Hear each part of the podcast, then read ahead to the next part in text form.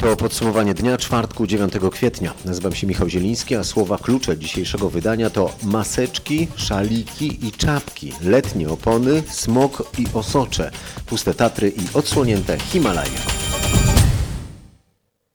Jak codziennie zaczynamy od bilansu, w Polsce potwierdzono do tej pory 5575 przypadków zakażeń koronawirusem, z czego dziś 370. Zmarły 174 osoby, dziś 16. Na świecie testy wskazały na obecność wirusa u miliona 550 tysięcy ludzi. Oficjalny bilans zmarłych to 95 tysięcy. Zacznijmy to podsumowanie dnia od niepokojącej informacji od naukowców. Otóż z badań zespołu naukowców Uniwersytetu Harvarda wynika, że mieszkańcy terenów z gorszą jakością powietrza są narażeni na dużo cięższy przebieg choroby spowodowanej koronawirusem. W tych badaniach stwierdzono zależność między jakością powietrza a współczynnikiem śmiertelności u chorych na COVID-19. W dodatku ta zależność jest znacząca. Mówiąc w uproszczeniu, na przykład mieszkaniec Krakowa jest narażony na śmierć w razie zarażenia nawet kilka razy bardziej niż ktoś, kto oddycha stale czystym powietrzem. Więcej na ten temat w dalszej części podsumowania dnia, bo najpierw o przedłużonych dziś obostrzeniach w naszym kraju. Będzie obowiązek zakrywania twarzy, przesunięto matury i egzaminy ósmoklasistów. Dzieci nie wrócą po świętach do szkół. To y, najważniejsze ustalenia przedstawione przez premiera i ministra zdrowia. Dotychczasowe ograniczenia i zakazy zostały przedłużone. O jeden tydzień do 19 kwietnia przedłużamy obostrzenia dotyczące galerii handlowych, dotyczące kin, teatrów, mm, wszystkich tego typu miejsc, ale także zakładów fryzjerskich, kosmetycznych i punktów usług, o których mówiliśmy wcześniej. Dotyczy to także limitu osób w sklepach i w kościołach. Tak jak wcześniej zostało to przedstawione, e, okazuje się, że był to dość skuteczny środek zapobiegania mm, rozprzestrzeniania się epidemii. Natomiast o dwa tygodnie, a więc do 26 kwietnia, przedłużamy zamknięcie szkół, wstrzymanie ruchu lotniczego, mm, wstrzymanie ruchu lotniczego międzynarodowego, e, a także mm, ruch e, kolejowy międzynarodowy i podtrzymujemy również zamknięcie granic, sanitarne kontrole graniczne oraz obowiązkową kwarantannę. Co dalej? Mateusz Morawiecki przyznaje, że tego nie wie.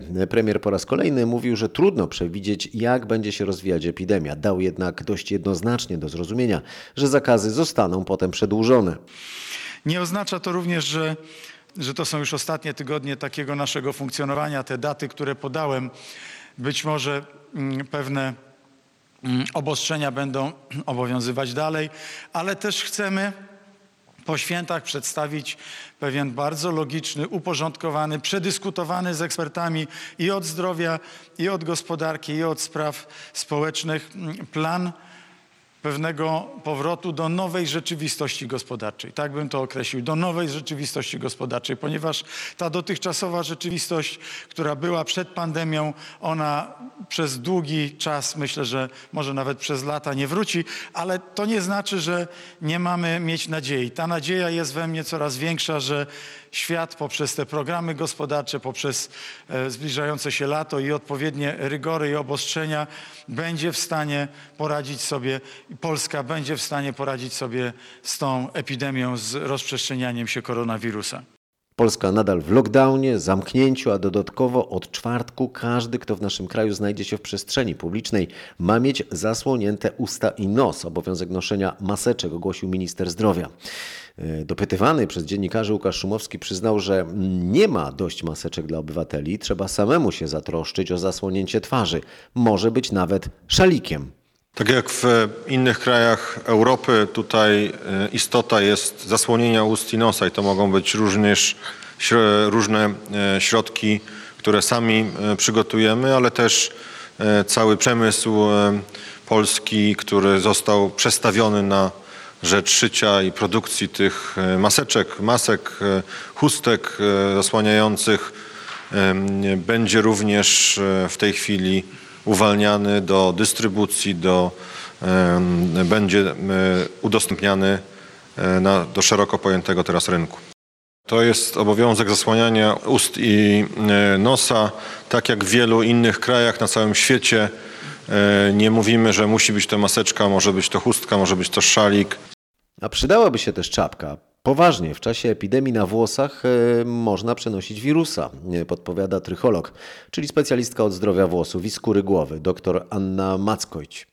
Rekomendowane jest mycie głowy, szczególnie jeżeli gdzieś wychodzimy do sklepu, do apteki, do pracy, wracamy do domu i pierwszą czynnością, tak jak myjemy dłonie, powinno być też umycie włosów. Więc jeżeli wracamy z dworu i już wiemy, że nie wychodzimy więcej, myjemy głowę, Czy wychodząc teraz z domu w czasie epidemii koronawirusa powinniśmy zabezpieczyć jakoś nasze włosy? Możemy zabezpieczyć czapką, jeżeli na przykład korzystamy ze środków publicznych. Czapka jest mile widziana, tak samo jak na przykład rękawiczki zabezpieczają nam dłonie. O włosy pytał Michał Dobrołowicz, a ja przypominam sobie, jak dwa miesiące temu mówiłem w faktach RMFFM o fryzjerze w Chinach, któremu wyznaczono zadanie ścięcia włosów lekarzy i pielęgniarek w szpitalu w Wuhanie do skóry, aby zmniejszyć ryzyko zarażenia. Nie jest to oczywiste, że maseczek fabrycznych zasłaniających usta i nos w Polsce nie ma dla wszystkich. Mm, O takich maseczkach z filtrami nie wspominając. Mimo, że z Chin sprowadzono już do Polski miliony masek, e, tych ostatnich, jak wynika z licznych relacji naszych reporterów, brakuje nawet dla personelu medycznego. A tymczasem plany otwierania gospodarek już opracowane w kilku krajach Zachodu przewidują chronienie maseczkami wszystkich osób starszych. Takie rozwiązanie może się pojawić choćby w niemieckim planie otwierania gospodarki. Dziś kanclerz e, Niemiec zapowiedziała, że po świętach e, zaczną się rozmowy na ten temat z władzami landów. Decyzja o poluzowaniu tymczasowo wprowadzonych e, przepisów będzie podejmowana ostrożnie i stopniowo, zastrzegła Angela Merkel. Poinformowała też, że w rządzie w Berlinie powstały dwa sztaby, które mają dbać o dostępność wyrobów ochronnych. Jeden sztab zajmuje się ich sprowadzaniem, a drugi organizowaniem ich produkcji w Niemczech. A w Polsce e, próbuje się przedsięwziąć już takie kroki w Chorzowie, żeby seniorzy nie byli chorzy. 10 tysięcy maseczek ma być wysłanych do nich pocztą, mówi Kamil Nowak, rzecznik chorzowskiego magistratu. Maseczki są pakowane w woreczki foliowe, a do nich załączona jest e, ulotka z instrukcją obsługi. Oczywiście to nie są maseczki, które w 100% ochronią seniorów przed wirusem, stanowią jednak dodatkową ochronę, gdy będą oni zmuszeni chociażby otworzyć drzwi listonoszowi, czy z jakichś powodów będą jednak musieli wyjść na zewnątrz. Przypomnę jeszcze raz obowiązek zasłaniania twarzy od czwartku za tydzień, od 16 kwietnia. Nawet y, 300 tysięcy masek do nurkowania może leżeć w szufladach Polaków. Przekażcie te maski naszym wolontariuszom i pomóżcie w przygotowaniu skutecznych masek sanitarnych dla medyków. Apelują o to twórcy akcji Maska dla medyka. Grzegorz Kwolek o tym, o jakie dokładnie maski chodzi. Wszystkie szczelnie przylgające do twarzy maski nurkowe mogą się przydać. Łatwo je przerobić na niezbędny dla lekarzy i ratowników sprzęt, wyjaśnia Bartosz Kamiński, jeden z organizatorów akcji.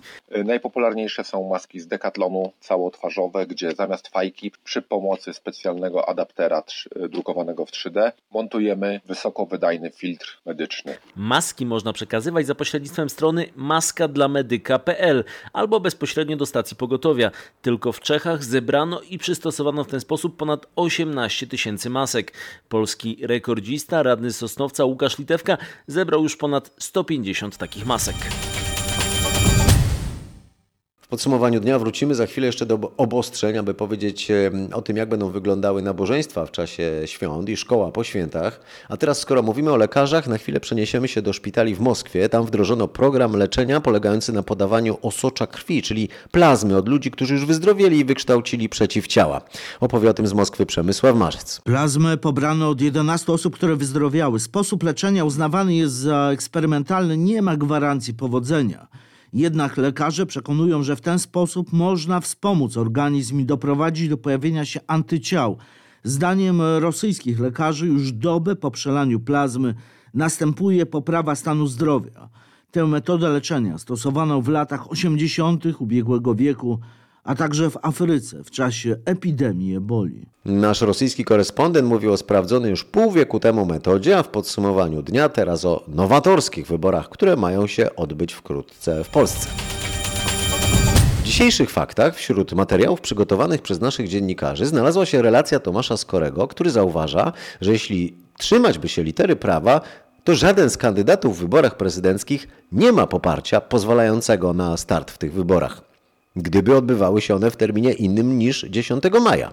Dlaczego? Bo do zarejestrowania kandydata potrzebnych jest 100 tysięcy podpisów poparcia, a ich wykazy muszą zawierać zdanie udzielam poparcia kandydatowi na prezydenta, tu nazwisko, w wyborach zarządzonych na dzień 10 maja 2020. Poparcie nie dotyczy więc już wyborów zarządzonych na 17 czy 23 maja. Jeśli marszałek Sejmu zmieni datę w zarządzeniu o wyborach, nie da się do nich zastosować podpisów poparcia dotyczących 10 maja, a później żaden z kandydatów poparcia mieć nie będzie. Wszyscy mają upoważnienie do startu w wyborach tylko 10 maja, a w PKW jest na to kilka milionów dowodów i będzie się na nie można powołać przy bardzo prawdopodobnych protestach wyborczych. Podstawa to na pewno jest i oczywistym jest, że nie ma przeszkód, żeby, żeby taki protest złożyć, który ma niemałe szanse powodzenia. Mówi o sprawie były szef PKW Wojciech Hermeliński. Właśnie przez takie wpadki nie wolno zmieniać prawa wyborczego tuż przed wyborami.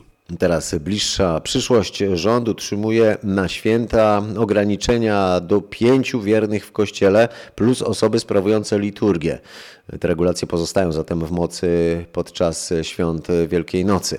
W specjalnym komunikacie odniósł się do tego rzecznik Konferencji Episkopatu Polski ksiądz Paweł Rytel-Adrianik. Kościół od początku epidemii stosuje się do wszystkich ograniczeń sanitarnych wprowadzanych przez władze państwowe.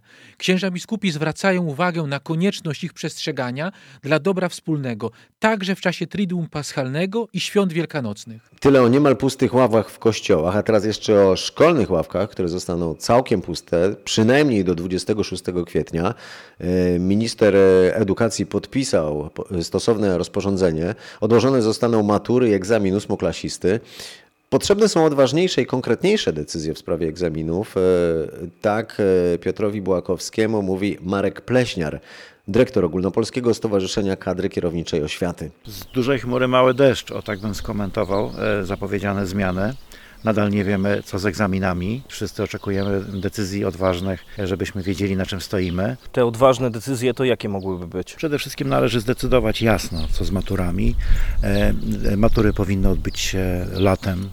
Egzamin kończący szkołę podstawową powinien zostać zlikwidowany zresztą raz na zawsze. Oceny kończące byłyby najlepsze. Tak jak przykład przecież będącej w czołówce Finlandii mówi, że nauczyciele najlepiej wiedzą, jak uczniowie się uczyli i to oni powinni wystawiać te oceny.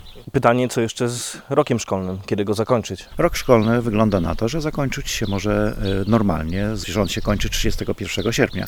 Natomiast mówi się o dacie zakończenia zajęć dydaktycznych. Można więc spokojnie w czasie roku szkolnego, czyli latem, zrobić chociażby w lipcu egzaminy. Słuchacie podsumowania dnia. Zachęcam do subskrybowania tego podcastu dostępnego na rmfon.pl i na Waszych ulubionych aplikacjach podcastowych. Utrzymanie tych wszystkich zakazów, zamknięcia sklepów, firm usługowych i tak dalej to oczywiste kłopoty dla gospodarki. Tymczasem aż 70% mikrofirm zanotowało już w marcu spadek przychodów. Tak wynika z raportu Rządowego Polskiego Instytutu Ekonomicznego. Najgorzej jest w sektorze usług, zwłaszcza w kawiarniach, restauracjach i barach które są zamknięte. W marcu już działalności w Polsce zaprzestało 50 tysięcy firm, no i kwie, kwiecień zapowiada się znacznie gorzej. To kolejny raport pokazujący, że koronawirusowe problemy firm przełożą się na pracowników. Połowa firm planuje obniżać pensje, a co czwarta firma albo już przeprowadziła, albo wkrótce zamierza przeprowadzić zwolnienia. Nic dziwnego więc, że zdecydowana większość Polaków uważa, że w najbliższych sześciu miesiącach ich sytuacja finansowa się pogorszy. Twierdzi tak grubo ponad połowa osób pytanych o to w sondażu United Surveys dla RMFFM i Dziennika Gazety Prawnej. Z wynikami tego sondażu zapoznał się Krzysztof Zasada, który powie, jak rozkładają się te liczby. O tym, że ich sytuacja finansowa zdecydowanie się pogorszy, wie ponad 19% respondentów. Raczej pogorszy się według 37%. 38% twierdzi, że nic się nie zmieni, ale jest też grupa 5% badanych, którzy odpowiedzieli, że w najbliższych 6 miesiącach ich sytuacja się polepszy. Największymi pesymistami są osoby w wieku od 40 do 49 lat. Ponad 2 na 3 obawiają się przyszłości. To w większości mężczyźni. Te osoby żyją w miastach, w których jest od 50 do 250 tysięcy mieszkańców, mają średnie wykształcenie. Znaczną część wczorajszego podsumowania dnia poświęciłem na opisanie, jak ma pomagać przedsiębiorcom tarcza finansowa, kto i kiedy za nią zapłaci. Przypomnę, że wszystkie firmy będą mogły dostawać kredyty, które mają być umarzane, jeśli te firmy nie wyrzucą potem ludzi z pracy. W ramach tej tarczy finansowej, w zależności od tego, ile będzie chętnych, ma być wstrzyknięte w gospodarkę przez NBP za pośrednictwem banków do 100 miliardów złotych. Wcześniej rząd ogłosił też tarczę antykryzysową, ulgi i pożyczki w sumie po wliczeniu wszystkich możliwych środków według rządu uzbiera się nawet ponad 300 miliardów złotych pomocy. A jak swoją gospodarkę podtrzymują teraz przy życiu państwa na Zachodzie, gigantyczną pomoc oferuje dla biznesu w Stanach amerykański rząd. To 2 biliony dolarów, największa pomoc finansowa dla gospodarki w historii Stanów Zjednoczonych. Zgodnie z danymi Banku Światowego kwota przewyższająca PKB takich państw jak Kanada, Rosja czy Brazylia. Utworzono fundusz o wartości 500 miliardów dolarów na pomoc dla branż znajdujących się w trudnej sytuacji. Przeznaczono 350 miliardów na pożyczki dla małych firm, 250 miliardów dolarów na zwiększoną pomoc dla bezrobotnych i 100 miliardów dolarów dla szpitali. A i tak są tacy, którzy uważają, że pomoc jest niewystarczająca. Relacjonował po południu Paweł Żuchowski, a wieczorem szef rezerwy federalnej Jeremy Powell zapowiedział równie monstrualnych rozmiarów program kredytów dla rządów stanowych i lokalnych, a także dla biznesu. W sumie ten program ma mieć wartość 2 bilionów 300 miliardów dolarów. Fed ma tworzyć pieniądze dla władz lokalnych, w sumie ma im pożyczyć 500 miliardów dolarów. Pozostałe prawie 2 biliony ma być pożyczane firmom za pośrednictwem banków komercyjnych. Na razie w Stanach jest rekordowy skok bezrobocia, większy niż w czasach Wielkiej Depresji. Nowe dane mówią o ponad 6 milionach ludzi, którzy wystąpili o zasiłek w ciągu zeszłego tygodnia. W sumie w ciągu trzech tygodni pracę straciło w Stanach 17 milionów ludzi.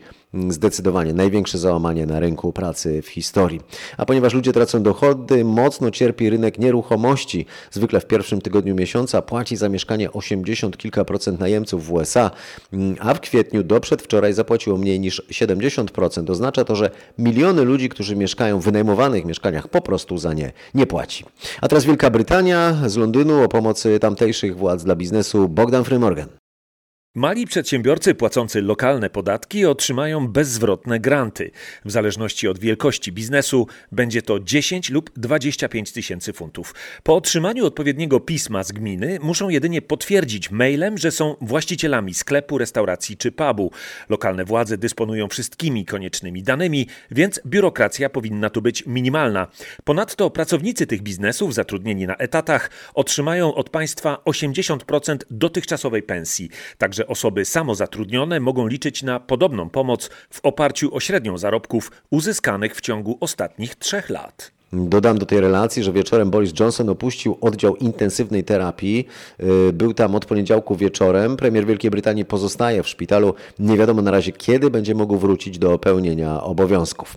A na posterunku jest nasz korespondent w Paryżu, Marek Gładysz, który teraz opowie o pomocy francuskich władz dla firm. Już blisko 6,5 miliona pracowników nie ma w tej chwili żadnych konkretnych obowiązków służbowych. Francuskie państwo wypłaca wszystkim z nich 84% pensji netto w formie zasiłku, by odciążyć finansowo zatrudniające przedsiębiorstwa. Te ostatnie, by skorzystać z tej pomocy, nie mogą jednak przeprowadzać masowych zwolnień. Prezydent Macron zapowiedział, że zostanie to utrzymane w mocy przez cały okres trwania epidemii, niezależnie od tego, ile będzie to kosztowało. Gorzej jest z zapowiedzianymi tanimi pożyczkami dla borykających się z problemami firm. W praktyce, mimo rządowych gwarancji finansowych, wiele banków utrudnia na razie przedsiębiorcom ich uzyskanie. Marek Gładysz informował też dziś, że Francja będzie kolejnym krajem, w którym władze uzyskają dostęp do lokalizacji telefonów komórkowych wszystkich obywateli przez cały czas. Podobne rozwiązania wprowadza się w Izraelu, testuje się w Czechach, przygotowuje w Niemczech, a w Polsce na razie przygotowuje się prawny grunt, by takie śledzenie wszystkich przez cały czas stało się legalne. Stop COVID-19, tak nazywa się aplikacja na smartfony, którą francuski rząd szykuje przy wsparciu niemieckich i szwajcarskich specjalistów. Chce uruchomić ten program dopiero, kiedy zostanie zniesiony ogólnokrajowy zakaz wychodzenia z domów. Aplikacja ma umożliwić wysyłanie ludziom alarmowych SMS-ów z zaleceniem poddania się kwarantannie, że znajdowali się oni w pobliżu osoby zarażonej koronawirusem w ciągu ostatnich kilkunastu dni dzięki częściowej geolokalizacji użytkowników. Ma to zapobiec nowej fali epidemii. Wielu specjalistów ostro krytykuje jednak ten pomysł, bo zgłaszanie zachorowań nie będzie obowiązkowe, a więc cały system może mieć gigantyczne luki i dać wszystkim fałszywe poczucie bezpieczeństwa. Oczywiście dane o lokalizacji są dostępne cały czas, ale mogą być anonimowe, tylko grupowane i takiego rodzaju algorytm pozwala na przykład firmie Google śledzić ruch w różnych miejscach. Mm, danych o tym, o ile zmniejszył się ten ruch w czasie zamknięcia ludzi w domach, dostarcza właśnie wszechwiedzący Google, e, ta firma, która śledzi, gdzie ile jest ludzi i według raportu tej firmy, raportu zatytułowanego COVID-19 w Polsce ruch w miejscach rozrywki spadł ostatnio o 80%. W miejscach, e, które mapy Google klasyfikują jako przesiadkowe o 70%, a w miejscach pracy o 36%. Raport dotyczący mobilności nie wyszczególnia warsztatów, w których wymienia się zwykle o tej porze roku, zwłaszcza przy takiej pogodzie, ogumienie w mailach i telefonach do redakcji wielu słuchaczy skarżyło się wczoraj, że policja wlepiła im mandat za to, że pojechali zmienić sobie opony. A dziś po apelu Polskiego Związku Przemysłu Oponiarskiego, Polskiego Związku Przemysłu Motoryzacyjnego i Związku Dealerów Samochodów Ministerstwo Zdrowia wydało oficjalne stanowisko w sprawie wymiany opon. Można je zmienić na letnie pod warunkiem, że używa się samochodu do dojazdów do pracy i do zaspokajania bieżących codziennych potrzeb. Samochodów jest w każdym razie mniej na drogach, na górskich szlakach zaś jest mniej turystów. W Tatrach znacznie łatwiej można spotkać niedźwiedzia niż turystę. A mogą spotkać pracownicy Parku Narodowego, w tym Jan Krzeptowski-Sabała, który mówi, że zwierzęta są wyraźnie zadowolone z tego, że pozbyły się intruzów na dwóch nogach. Zwierzęta coraz chętniej odwiedzają miejsca, gdzie je wcześniej rzadziej widywaliśmy. I na przykład na środku polany można w dzień zobaczyć, jak pasą się łanie, które teraz chętnie korzystają z krokusów, których jest naprawdę dużo. I oczywiście wcześniej też żerowały na tych krokusach, ale na pewno nie w takim miejscu blisko szlaku turystycznego, nie w środku dnia. Ptaki także chętnie pojawiają się w miejscach, gdzie wcześniej byli turyści. Te zwierzęta teraz mają dużo, dużo przestrzeni dla siebie. W Polsce i wielu krajach świata poprawiło się powietrze. W Indiach, gdzie władze zamknęły w domach całą populację, ponad miliard 300 milionów ludzi, w internecie pojawiły się zdjęcia obrazów, których miliony mieszkańców e, Indii nigdy nie widziały. Smog się rozwiał i są zapomniane dawno widoki Himalajów. Można je podziwiać choćby z gęsto zaludnionych obszarów Pendżabu. Majestatyczne, zaśnieżone szczyty podziwiają choćby mieszkańcy miasta Jalandhar, mimo że od gór to miasto jest odległe o 200 kilometrów. A teraz zapowiadane szczegóły złych wieści o związku między jakością powietrza a śmiertelnością u chorych na koronawirusa. Według badaczy z Harvardu, którzy przyjrzeli się danym z kilku tysięcy hrabstw w Stanach, wzrost o 1 mikrogram drobnych cząstek stałych e, przypadających na metr sześcienny powietrza e, w wieloletniej średniej zwiększa śmiertelność przy infekcji COVID-19 średnio o 15%. To na razie praca niezrecenzowana, niepublikowana w magazynie naukowym. Jej wyniki przedstawia już dziennik e, Der Spiegel. Mm, jeśli te wyniki się potwierdzą, e, to oznaczałoby wręcz tragiczną wiadomość dla Polski, bo przy powietrzu, którym oddycha znaczna część z nas, śmiertelność, e, jak wynika z tych wyliczeń, może być znacznie wyższa niż byłaby na terenach o nieskażonym powietrzu. W przypadku przykład rejonu Krakowa czy Górnego Śląska zagrożenie śmiercią po zarażeniu koronawirusem byłoby nawet kilka razy większe niż dla ludzi oddychających e, czystym powietrzem.